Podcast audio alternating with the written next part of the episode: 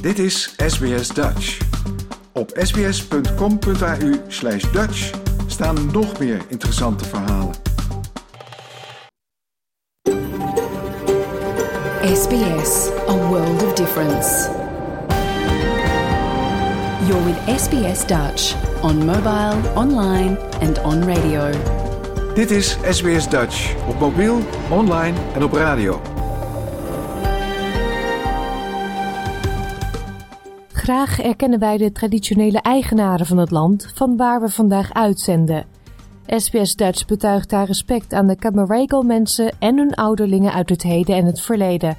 Ook erkennen we de traditionele eigenaren van alle Aboriginal en Torres Strait Islander landen van waar u vandaag naar ons programma luistert. Hele goede morgen, mijn naam is Paulien Roesink. Het is woensdag 2 november en u luistert naar SBS Dutch, het Nederlandstalige radioprogramma van SBS. In deze uitzending praten we met dokter Nonja Peters over de Leeuwin. Dit jaar is het 400 jaar geleden dat het Nederlandse VOC-schip de zuidwestkust van Western Australia op de kaart vastlegde. En daar werd afgelopen zondag feestelijk bij stilgestaan. In Augusta bij Cape Leeuwin was een heel programma en Nonja onthulde daar de naam van de skipper van de Leeuwin, die tot dan toe onbekend was. Verder een gesprek met Paul Budde van Dutchlink Brisbane over Archerfield Airport bij Brisbane. Dit vliegveld speelde op verschillende momenten in de geschiedenis een belangrijke rol voor de Nederlanders. En we hebben een staaltje van onze taalman Frans Hertogs. Dat allemaal straks, nu eerst het nieuws.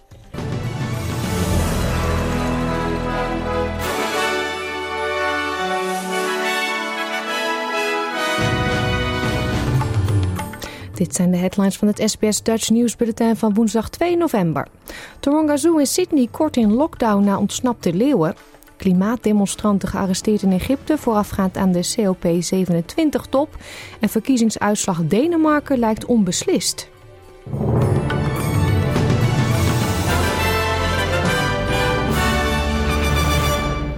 De vijf leeuwen die eerder vanochtend ontsnapten uit hun verblijf in Taronga Zoo in Sydney zitten allemaal weer in hun verblijf. In een verklaring laat de dierentuin weten dat de dieren nauwlettend in de gaten gehouden worden. De dierentuin ging in lockdown en personeel en gasten werden naar veilige zones verplaatst nadat de leeuwen buiten hun kooi waren gezien. Niemand raakte gewond, zo staat in de verklaring, en Taronga Zoo is vandaag gewoon weer open. SCS-vrijwilligers zeggen tientallen reddingsacties uit te voeren nu meer regen het waterpeil in de rivieren in het binnenland van New South Wales verder doet stijgen. De State Emergency Service zegt in de afgelopen 24 uur 39 reddingsacties te hebben uitgevoerd in overstromingsgebieden, ondanks waarschuwing om niet met de auto over overstroomde wegen te rijden. In het zuiden van de staat wordt er gezocht naar twee vermiste mannen. Het tweetal zat achter in een ute die van de weg werd geveegd toen ze maandagavond over een ondergelopen dijk reden. Dit gebeurde zo'n 50 kilometer van de stad Burawa. De Egyptische autoriteiten hebben naar verluid tientallen activisten gearresteerd in aanloop naar de klimaattop, die op 6 november van start gaat. Egypte, die voorzitter is van de COP27-top, heeft gezegd dat tijdens de topprotesten zijn toegestaan in de daardoor bestemde gebieden in Sharm el-Sheikh. Normaal gesproken zijn demonstraties in het land verboden en wordt er hardhandig opgetreden tegen politieke dissidenten. Maar volgens de niet-governementele organisatie Egyptian Commission for Rights and Freedoms zijn tenminste 67 mensen gearresteerd in Cairo. Deze Indiaanse demonstrant was volgens eigen zeggen een van hen. I was kept there for hours and hours and the whole night. I was not, they were not informed me well. What is the charge against me? What are they going to do? What should I, how can I help them in the process? Nothing was being informed. And even not even, I didn't get any food from them as well, even water as well. De vermeende aanvaller van Paul Pelosi heeft tijdens zijn eerste rechtszaak onschuldig gepleit op beschuldiging van poging tot moord. De Paap werd beschuldigd van het binnendringen van de woning van de voorzitter van het Amerikaanse Huis van Afgevaardigden, Nancy Pelosi, voor zonsopkomst op vrijdag. Hij zou van plan geweest zijn haar te gijzelen, maar viel later haar man Paul aan met een hamer. San Francisco Superior Court rechter Diane Northway heeft bevolen dat de 42-jarige David De Paap zonder bochttocht wordt vastgehouden, terwijl de zaak tegen hem loopt. Volgens Adam Lipson, de advocaat van De Paaps, is zijn cliënt ook onderworpen aan een aparte federale zaak. The federal government has, has filed their own charges. They've placed a hold on Mr. DePape. If he's released from custody by San Francisco, he would be immediately taken into federal custody. De secretaris-generaal van de Verenigde Naties heeft er bij de Arabische landen op aangedrongen tot tot elkaar te komen en gezamenlijk in actie te komen. Arabische staten zijn verdeeld over kwesties variërend van steun voor de Palestijnse zaak, de regionale rol van Iran en Turkije en de rehabilitatie van de Syrische president Bashar al-Assad. Ook blijft het etteren tussen Algerije en Marokko. Daarnaast is er toenemende directe bezorgdheid over de huidige crisis in de regio, die verergerd wordt door de Russische invasie van Oekraïne en in Egypte en Tunesië voedsel- en energieproblemen veroorzaakt. Secretaris-generaal Antonio Guterres zegt dat Arabische staten een belangrijke rol spelen in de effectiviteit van een door de VN bemiddelde deal om graantransporten uit Oekraïne toe te staan. We must do all we can to ensure the continued success of the Black Sea Grain Initiative to provide relief to those in need, including countries in the Middle East and North Africa, relying on accessible and affordable food and fertilizers, both from Ukraine and the Russian Federation. Online gokbedrijven moeten uiterlijk maart volgend jaar afscheid nemen van de slogan Gamble, Gamble Responsibly. De regeringen van de Commonwealth en de deelstaten hebben in het kader van het National Consumer Protection Framework en na onderzoek in opdracht van het federale ministerie van Social Services nieuwe slogans aangenomen. Die nieuwe slogans, waaronder Chances, chances are you're about to lose, Think is this bet you really want to place en What's Gambling Really Costing You zijn bedoeld om gokkers te laten nadenken over de gevolgen van het verliezen van een weddenschap. Volgens de minister van Social Services, Amanda Rishworth, zijn de nieuwe slogans nodig omdat online gokken snel aan populariteit wint. Op 60 teefscholen in New South Wales leggen leraren 24 uur lang het werk neer om zo een hoger loon af te dwingen. Volgens de New South Wales Teachers Federation heeft de regering een aanbod gedaan tijdens onderhandelingen over een nieuw Enterprise Agreement. Maar de federatie beschouwt dit voorstel als een effectieve loonsverlaging. Voorzitter van de federatie, Angelo Gavrilatos, zegt dat de salarissen van TEEF leraren niet gelijk staan aan de werkdruk die volgens hem is toegenomen door bezuinigingen op administratief ondersteunend personeel en de dramatische afname van het aantal leraren in de klas. In 2012 waren er ruim 17.000 docenten en ander onderwijspersoneel. In 2022 zijn er nu nog 8.197 over. De grote banken van Australië zijn begonnen met het doorberekenen van de laatste renteverhoging aan hun klanten. NAP is de eerste grote bank die dat heeft gedaan. Door de laatste renteverhoging zal voor een gemiddelde hypotheek van 750.000 dollar de maandelijkse aflossing met 114 dollar stijgen. Financieel adviseur Pieter Thompson denkt dat voor veel mensen, dat voor sommige mensen de verhoging een uitdaging zal worden. Roughly speaking, if your outgoing mortgage payments are nudging above 30% of your take home income, that's sort of the amber zone for financial stress. And if it's getting up towards 35, 40, you're almost certainly in, as a household, in some sort of financial stress. Huiseigenaren worden aangespoord om contact op te nemen met hun kredietverstrekker als ze moeite hebben met het aflossen van hun hypotheek. Het Financial Rights Legal Center zegt dat kredietverstrekkers nu goed uitgerust zijn om klanten in moeilijkheden te helpen.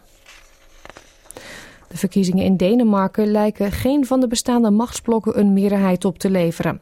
Exit polls geven aan dat het centrum-linkse blok van premier Mette Frederiksen 85 van de 179 zetels krijgt en het centrumrechtse blok 73 zetels. Een sleutelrol lijkt daarom weggelegd voor de nieuwe partij Gematigde van de voormalig premier Lars Lokke Rasmussen.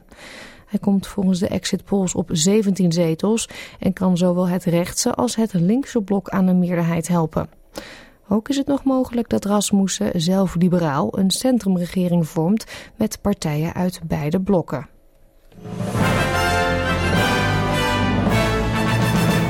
Kijken we nog even naar de weersverwachting voor vandaag. In Perth is het gedeeltelijk bewolkt en wordt het 26 graden. Adelaide een paar buien, 17. Melbourne ook kans op wat regen, daar 15 graden. Hobart laat op de dag kans op een paar buien, 14. In Canberra is het gedeeltelijk bewolkt, 13. Wollongong zonnig, 18 graden. Ook in Sydney zonneschijn, 21. Newcastle zonnig, 22. In Brisbane schijnt de zon en staat een behoorlijke wind, 25 graden daar. Cairns een paar buien, 33.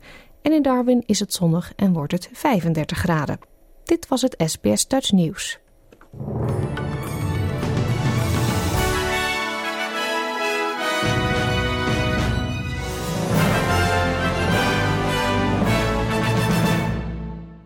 Nogmaals een hele goede morgen en welkom bij SBS Duits. Straks praten we met Paul Budde over Archerfield Airport. Dit vliegveld bij Brisbane was ooit erg belangrijk voor Nederland. Dit is SBS Dutch. Maar eerst gaan we het hebben over een ander stukje geschiedenis. Het is geen verrassing dat er aan de westkust van Australië veel Nederlandse geschiedenis ligt. Het waren de schepen van de VOC die vaak per ongeluk dit enorme continent verkenden. Dit jaar is het 400 jaar geleden dat de Leeuwin de zuidwestkust van Western Australia in kaart bracht. Afgelopen zondag werd daar in West-Australische Augusta feestelijk bij stilgestaan. Historicus Dr. Nonja Peters ontdekte onlangs de naam van de skipper van de Leeuwin, die tot dan toe onbekend was. Dit weekend onthulde ze die naam en wij belden haar gisteren. Jouw gemeenschap, jouw gesprek, SBS Dutch. Many ships have visited the west coast of Australia. One of them is the Lewin. Why is this ship so special? Well, it's special because now it's 400 years, of course, but it's because it's made an impact. And it was the most southwest corner of West Australia where any ship had been. But it was early days because the first one to come on the shore was 1616. It's not that far behind. Then the Houtmans and Brollos and a couple of others had made an impact at that point. But also because the Lewin has inspired so many, it's named, or the Lewin as we called it. We, we would definitely have in, insisted but well, we didn't insist, but we started to calling it the Lewin, and they all are doing that down in, in Augusta. But because it it has inspired so many other naming, branding, it's branded so many things. It's just somehow the name's inspired. And even yesterday, when Ellie and I were driving down, we went past the Lewin kennels, and there's a Lewin estate, there's wineries, there's ocean currents, there's whole suburbs, there's roads, there's umpteen things that call flora and fauna have the name Lewin. Yeah, people might know the Cape Lewin Lighthouse, of course. And the lighthouse, of course, a definitely. Very, very nice and, and very special place. You can see the two oceans come together. That's right. So that's Um, where the, the current comes in, exactly. But it's interesting they could have called it anything. Yeah, so you just mentioned 400 years. Did they end up there accidentally, like many VOC ships? Absolutely, because Brower's route had been instigated around, well, he'd, he'd made the voyage in 1611 realized that using the trade winds, the roaring 40s from the Cape, that the, the voyage was much shorter.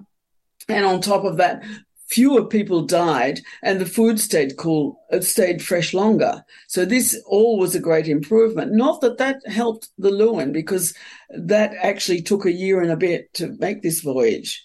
And this is because it got becalmed in the Bight of Guinea, which often happens when if they go too far one way with the wind and don't correct a certain way, a lot of them get stuck on the equator and can't get off, which means that they then go into the bights to refresh food and water. So there's been a lot of discussions around this, the skipper of the Lewin saying that he must be incompetent. This is not the case. This is not what comes through the, the literature at all. Hmm. And quite the opposite, as a matter of fact. But it certainly is part of that whole story. So it's one of the first ships that I think it's about 150 kilometers that it actually um, maps. As did, of course, Hartog before them and Houtman, the Abrolhos. So you slowly see the unveiling of the West Australian coastline of the Great Southland, which was a mooted land, but not a, a, a fantasy, they thought in many ways, until these, these ships start to unveil the reality of it, and, but also the treacherousness of the shore. And the fact that because they've got to go a thousand mile and ships mile and uh, east after the Cape, they can't work out the um, longitude yet, and and very little is known of the winds and the monsoons at that point. And they later on they pull that back to 800 uh, Malin, and therefore you start getting shipwrecks along the West Australian coast, or the mapping, or the sighting. Mhm. All of those things are then part of the story from then on. So 400 years, that has been celebrated last weekend on Sunday in Augusta, of course. What was on the program that day?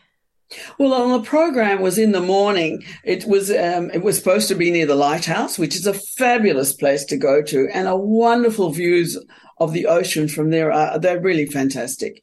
But of course, the rain stopped that. It, the rain was just it was cats and dogs rain. You know that what we call that here. And so they changed the venue to the local town hall.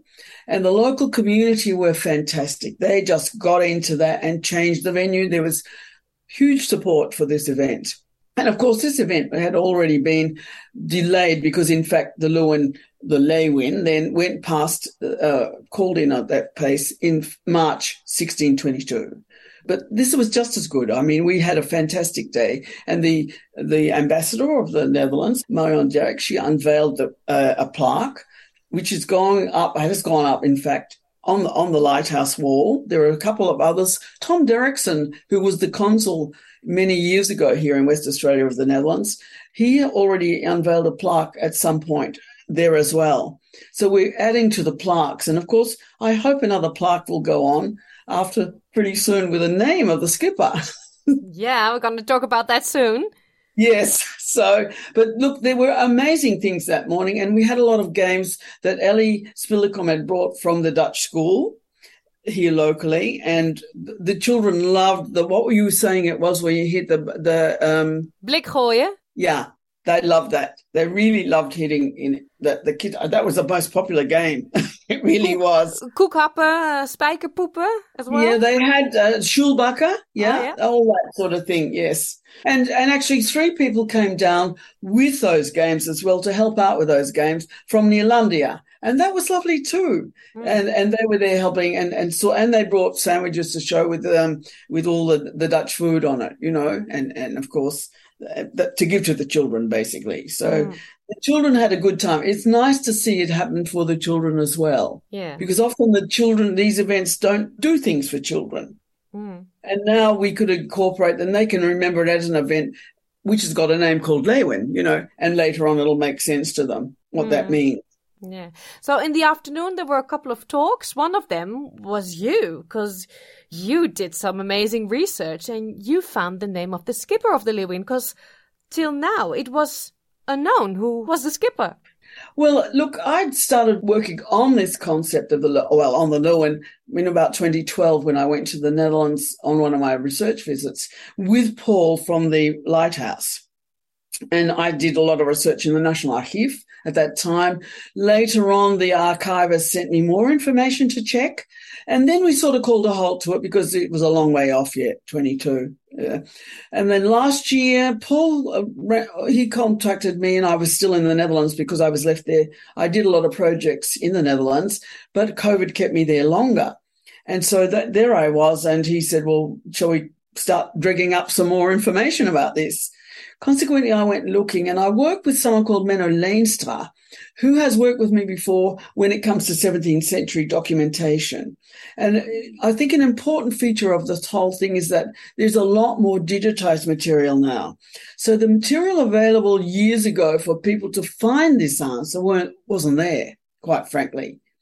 But it would have been there in the last four, five years, maybe, but people weren't looking anymore in that sense. Certainly we know where, where we found it. So I'm there looking at the normal stuff which everyone's looked at before, and I'm thinking I need to go somewhere else with this. And Menno Leinster, I said, have you read the diary of Arnold Buchel? But he's really his Latinized names because people who were posh Latinized their name. Oh, yeah. It's Arnoldus Buchelius, who the Kamer Amsterdam, the Chamber of Amsterdam for the VOC, had brought on board because they needed someone in commerce rather than just business. Uh, well, commerce, bit of heritage really, because they, everyone else was running businesses and had to show they had a lot of money to be invited to be a director. So then he writes a diary, but there's two copies, you see, of this diary. So, so Menno says to me, look, I always read the first, the original diary, but the second one, the archivists have done a little bit of translating into Dutch and, and to better Dutch. I thought, well, that's my way, baby. I'm going to be looking at this one, you know. so I'm reading through his diary around the time that I should be reading there. And it's like the seventh he writes, Finally, I made it from Utrecht. It's been such a severe winter, he writes in his diary, that I haven't been able to make it to the meetings. So, although we found names before that have been people that have put forward to be the skipper, we never see the resolutions at that point. So, you can never, it's never confirmed in his diary one way or the other. However, on the 8th, the next day, when he's actually going to the meeting, he writes, I couldn't get into the, the East Indies house today. There's women everywhere, he said, and they all think that we're hiring women to take them to the East Indies to populate and get married. And if they do that, they used to get a diary, a dowry, not a diary, a dowry when they arrived. And so for very poor women, this was good, although they really wanted women with a little bit more class. In, in fact, and they write later. I couldn't get in, but in fact, they're wrong. They're not being hired today, but they do actually do it sometime later, and they have done it before. Much later in, in the history, they stopped doing that because the, the VOC just doesn't want to do that anymore. They want to concentrate on trade. But, um, and so the next diary, in, at the end of that diary, that very day, there's written, we bought recently a boat from somewhere else. It never tells you where, but it's not good. It's not up to the trip. So we're actually in our, in our yard in Amsterdam. We're enlarging it and we are strengthening it. And its name is Lewin. And it will go to the East Indies under skipper Jan Fransen van Hoorn. Ta-da. So then I'm, I'm, I write to my contact who put me into this because this is a story between Menno Leenstra and me. I neither of could, have done it without the other because it's serendipity, nothing else. Because when I saw that, I thought, can't be that easy. you know, it's like, can't be. So I write to Menno in an email because it's still COVID, and and he said, "Oh my God, in the first book, the first, the original diary, those three sentences are in Latin." And he said, I got so involved with the women's story, I skipped over it, you see? And that's how it never got discovered. And of course, when the, the archivist did write that, no one twigged about the Lewin here. It, no one made that connection, you see. So then, of course, I follow that story through when it's ready and when it goes to TESOL. So my article on this, which is written, the uh, Maritime History Association put out a special booklet for this event. And when it goes out, of course, it's in there. I follow that whole story through all the way to the Indies. But then, of course, that's, I, you still need some verification at this point. Okay. You've got one thing and there's nothing else to back it up. So later on, having, I then go to all the documentation from the, uh, the Castle Batavia, all the minutes of the meeting from the Raad van India. And on the next year, in the January, on the first day of that year, is a, is another entry. And what they do is when there's a change of status of any of the employees, it ends up in the resolutions. And they resolve then, of course, to change something about the following people. And they mention a number of of um, skippers on different boats that come in who are going to have a rise in salary or have left the, the job or whatever. And amongst that is Jan Fransen van Hoorn on the Lewin came in last year with a letter from the Kamer Amsterdam, from the, the Chamber of Amsterdam, saying that he's a really good skipper and that they we should raise his salary from 50 realen then at the time to 70 per month and give him a better ship. They go ahead and do this despite the fact he's taken this long voyage. So it's hard to, to then you get a lot of people speculating he must have been a lousy skipper. And this is not the case. This is not coming through. So they raise it and they put him on a better ship. But they say this raise in salary is until he gets back to the homeland. But the only other things we've been able to find since, and it's since the article, is his some jobs staying in the East Indies. And we think that it, when he eventually goes back after four or five years, he goes back again on the Lewin. which is another extraordinary aspect. But Jan Franzen, then I went through a lot of documentation in um, the city archives in Amsterdam looking for contracts. Because usually, if you have the, the transport contract, the skipper is often named. Didn't find that. I did find in the Horn archives, but this could take a lot longer because not all that stuff's been been digitized. But out of the notary documents in Amsterdam, which I've used before for other other research for in the Indies, sometimes you find quite a lot of stuff already because it has been done. But in the amongst the births and deaths, these have been done. I found a young Fransen in Horn marries the um, Jans doctor, so Jans because of course there was no surnames. This Jans Jan Fransen, it comes from son of France, of of course, you know, Jan yeah. son of France, who's then translated into Fransen. That's and they've already done that in in, in the diary. So he's married, um, which is about the time. And Jan Fransen was in the Horn. Uh, he was a contemporary of uh, Jan Peterson Kuhn. They're around the same time. And of course, they both, both end up in Batavia. But there's nothing to say that they've acknowledged each other or whatever. And of course, the skipper on the way back is not Jan Franzen, but it's an, also an interesting voyage because it goes in in collaboration, sailing together with an English ship for safety, the Kleine Gems. And so that's also another part of the story which I found just as interesting to see how this this panned out because they're actually they're they're supposed to be working together to stop the Portuguese, and in fact they do nothing but awful stuff behind each other's backs, you know. And eventually they've got to sail together, and each month one of the others is allowed to be the front ship with their flags up, and then they've got to change it. And but the the um the directors or the or the rat say, but don't go any further than into the Atlantic uh, between uh, going to the Netherlands. Don't go to England. Don't go to France because we're scared you'll be stopped because that often happened. You know, they stopped them and then took all the stuff off. Yeah, so his name, it was always there. It was always there. And it, it, um, it really gives Augusta a sort of chance for a sister city, you know, with Horn, which would be lovely because, of course, we have the West Fries Museum. Yeah certainly I've had two exhibitions in the Westfries Museum, and it's always to do with the with with the VOC, of course, and aspects of that story.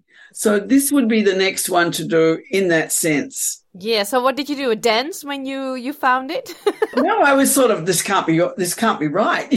Actually, I really did. I thought, nah, nah, it couldn't be. Nah, it's got to be harder than this. Even though I'd spent so much time digging, when it came, it felt something else must have happened. You know.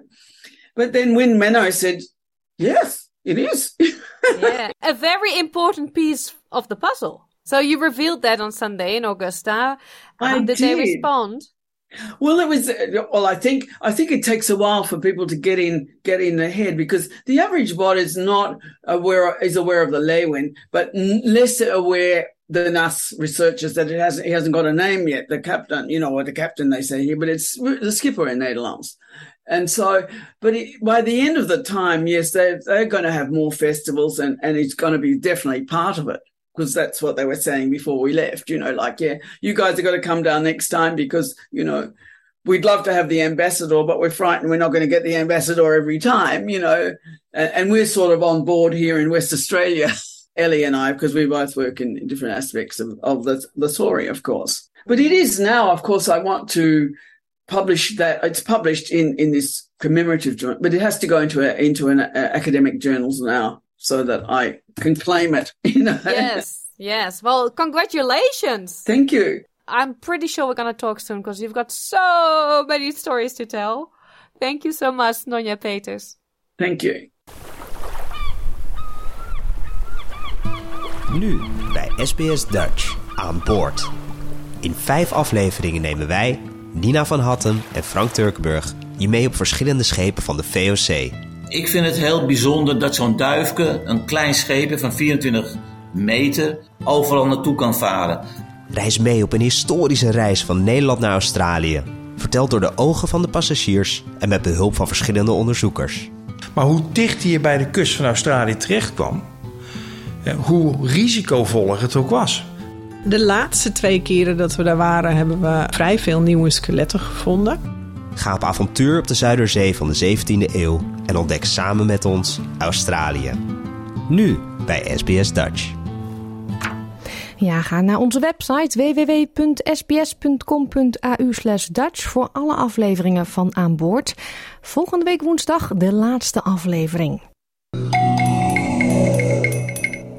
Dat Amsterdam niet aan de Amster ligt, maar aan de Amstol, dat weet iedereen. Maar waarom heet de stad dan geen Amstoldam?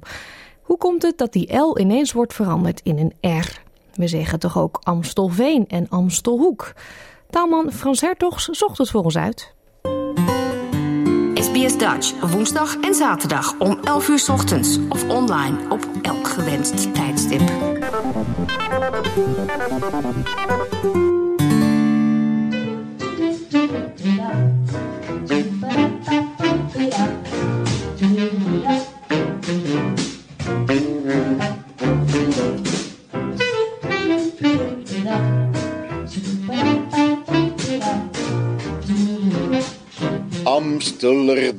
Amsteldam. Dat Amsterdam niet aan de Amster ligt, maar aan de Amstel, ja, dat weet iedereen natuurlijk, niet alleen Amsterdammers. Maar waarom heet die stad dan geen Amsteldam? Hoe komt het dat die L ineens wordt uitgesproken en geschreven als een R? Als wij in dam bouwen in de Amstel, dan heet die toch gewoon de Amsteldam en niet Amsterdam? We zeggen toch ook Amstelveen en Amstelhoek? Nou, om dat te kunnen begrijpen, moeten wij even een uitstapje maken naar aartsrivaal Rotterdam. Rotterdam was oorspronkelijk een dam in het water van de Rotte. En de Rotte werd in die tijd gebruikt om hennep en vlas klaar te maken voor verwerking. De stengels werden in het water gelegd om de vezels vrij te maken van de plant, die dan natuurlijk in feite ligt te rotten. Nou, Rotterdammers hadden er geen problemen mee om te wonen bij een Rotterdam. Sterker nog, ze maakten de rotte steeds rotter. Maar hoe komen Rotterdam en Amsterdam dan aan die extra R? Nou, dat komt omdat dat vroeger een tweede naamval was. En die naamval die gaf aan dat het onderwerp van iets of van iemand was. En daarom zeg je natuurlijk ook Haarlemmermeer en Bommelerwaard en Sneekervaart. En in datzelfde rijtje zit natuurlijk ook Rotterdam, de dam van de Rotte. Maar Amsterdam ligt aan de Amstel. Heel, heel lang geleden heette hun riviertje de Amestelle, waarbij Ame water betekent en stelle plaats, woonplaats. En Amstel betekende dus oorspronkelijk waterplaats. Ja, waarbij je natuurlijk maar beter niet kunt denken aan het werkwoord wateren. En de dam die daarin gelegd werd, die heette dus oorspronkelijk de Amestellerdam. Nou, die L in het midden die viel weg door slordigheid of Amsterdamse spreeksnelheid. En zo komen we via Amsterdam dan aan Amsterdam, wat dus letterlijk betekent waterwoonplaatsdam. Nou, kort samengevat, zoals Rotterdammers bewoners zijn bij de Dam en de Rotte, zo zijn inwoners van Amsterdam, om heel precies te zijn dus, waterwoonplaatsdam bewoners van de Amstellerdammer Amsteldam. Ik dank u wel. Altijd leuk als Taman Frans Hertogs de boeken induikt. Archerfield Airport bij Brisbane heeft door de jaren heen een belangrijke rol gespeeld voor Nederland.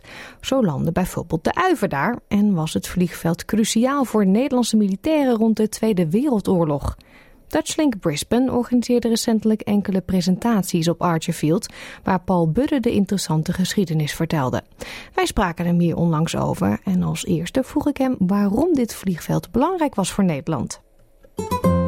Dit is SBS Radio Dutch.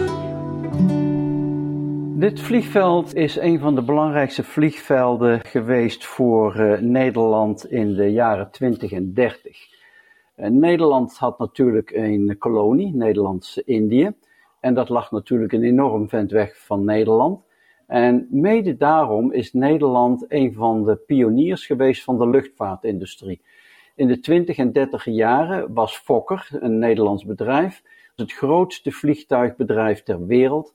En 50 eh, landen maakten gebruik van Fokker-vliegtuigen.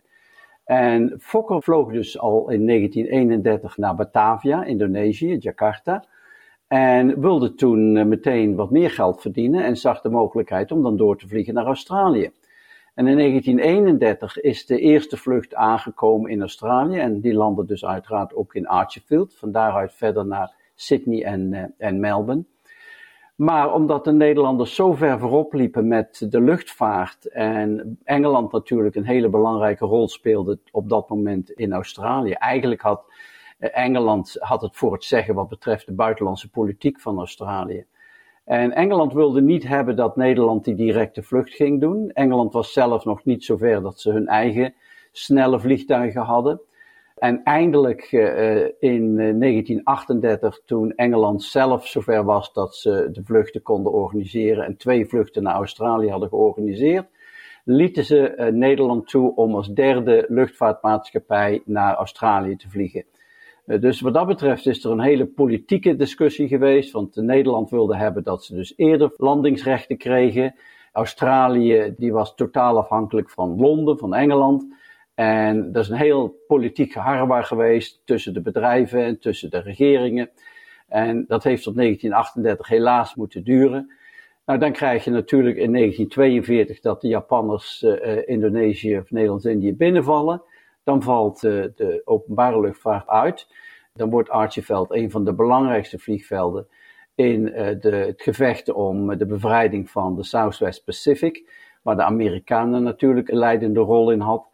Toen uh, waren er dus Nederlandse bommenwerpers en Nederlandse militaire vliegtuigen die dus gebruik maakten van Archiefield en van hieruit uh, squadrons hebben gevormd, die dus uh, zich bezighielden met gevechten boven de Southwest Pacific, maar, maar in specifiek natuurlijk met betrekking tot de bevrijding van, van Nederlands-Indië. Ja, want je zei eerder al, de, de Nederlandse uh, regering zat hier in ballingschap destijds. Dus eigenlijk organiseerden ze alles vanaf dat vliegveld daar. Nou, dat vliegveld in 1942 nemen de Amerikanen plaatsen hun hoofdkwartier voor de bevrijding van de Southwest Pacific in Brisbane. En dat heet Camp Columbia.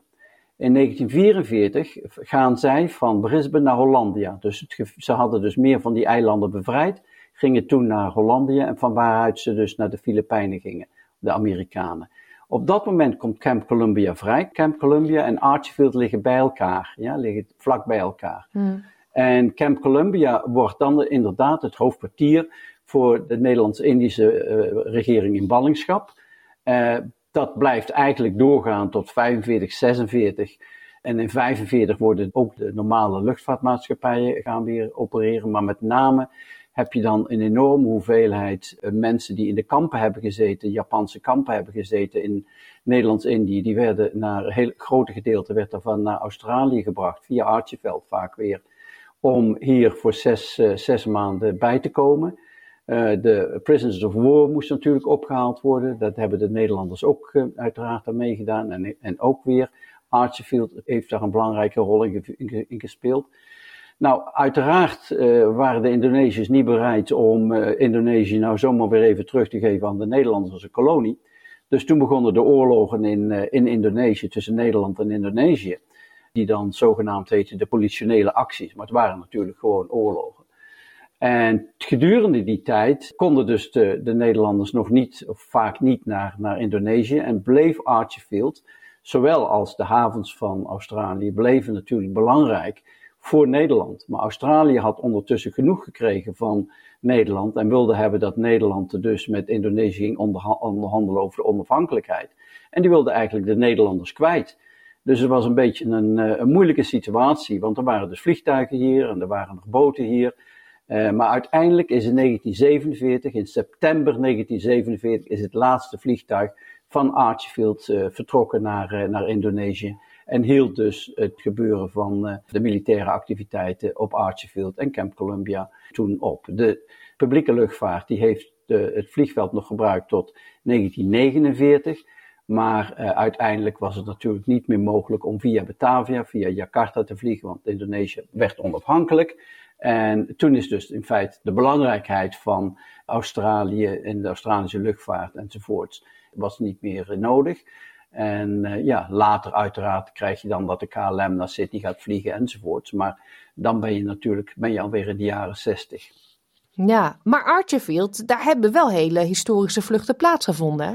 Ja, een van de andere vluchten die daar plaatsvond is van eh, in 1934 van eh, de Uiver. De Uiver is dus een klein beetje wereldbekend. Het is een heel bekend vliegtuig, want die deed dus mee in de race tussen Londen en Melbourne. Wie de snelste in, van Londen naar Melbourne kon vliegen.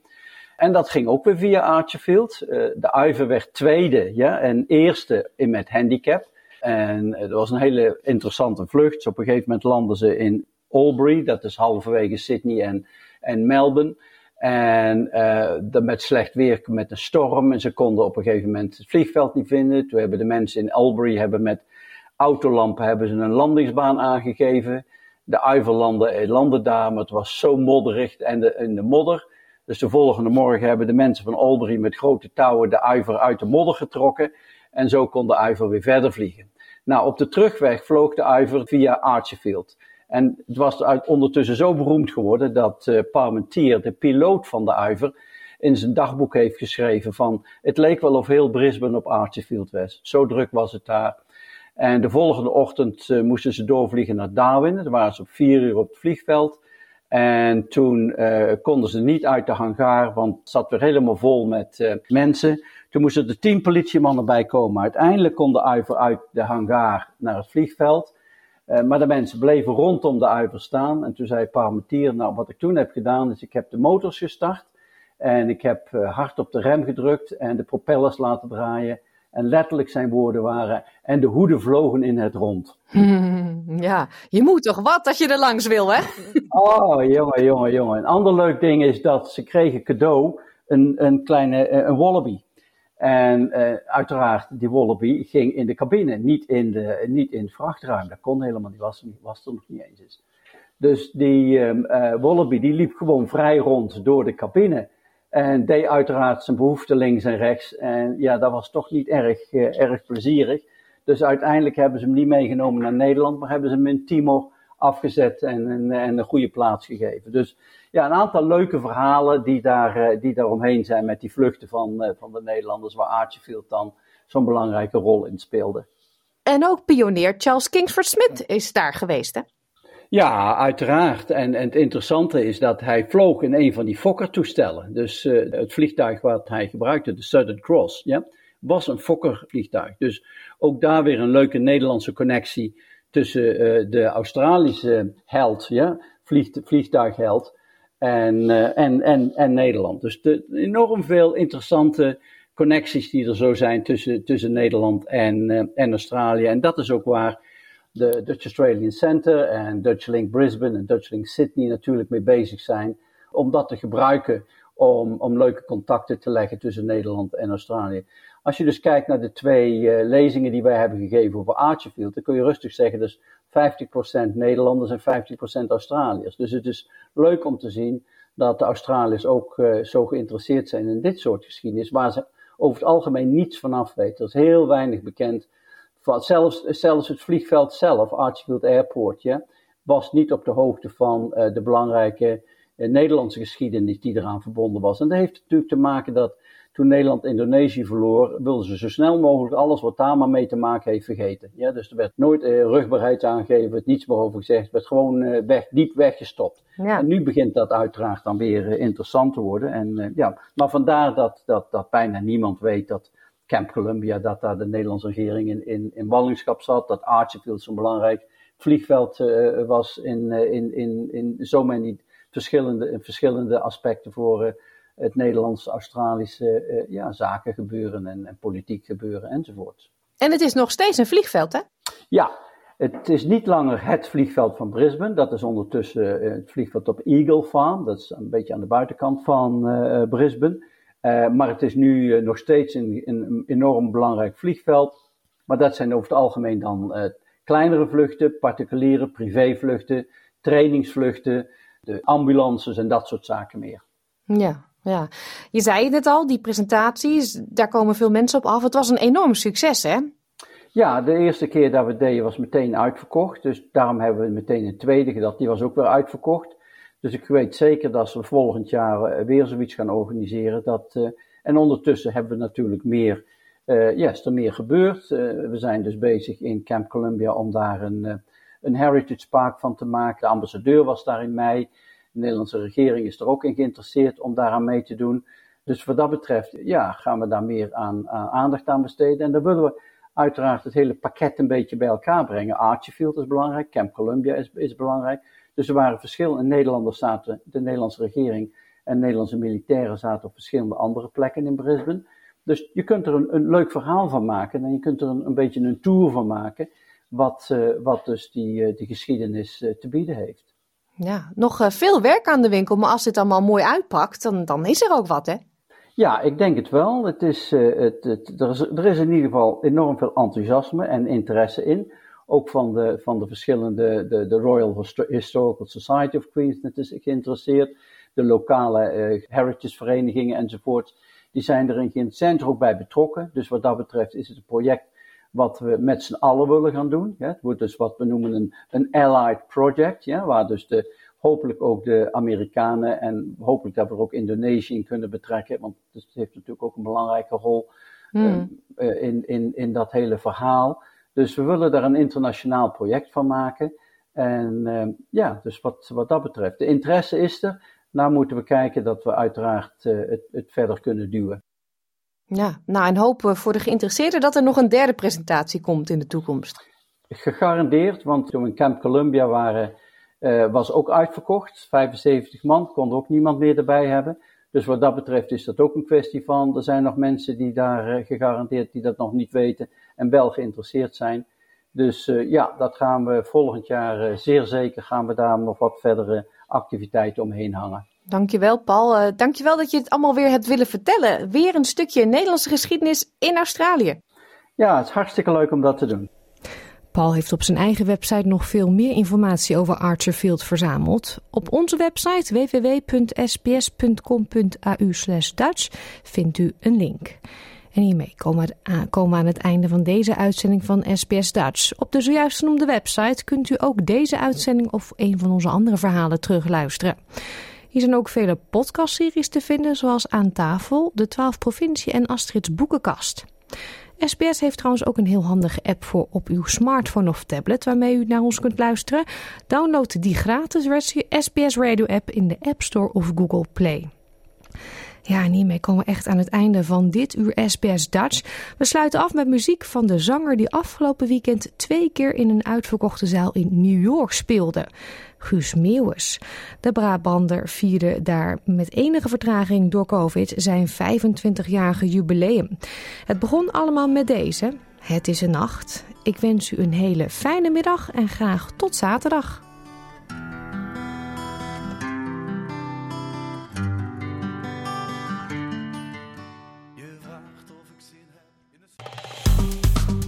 Like, deel, geef je reactie. Volg SBS Dutch op Facebook.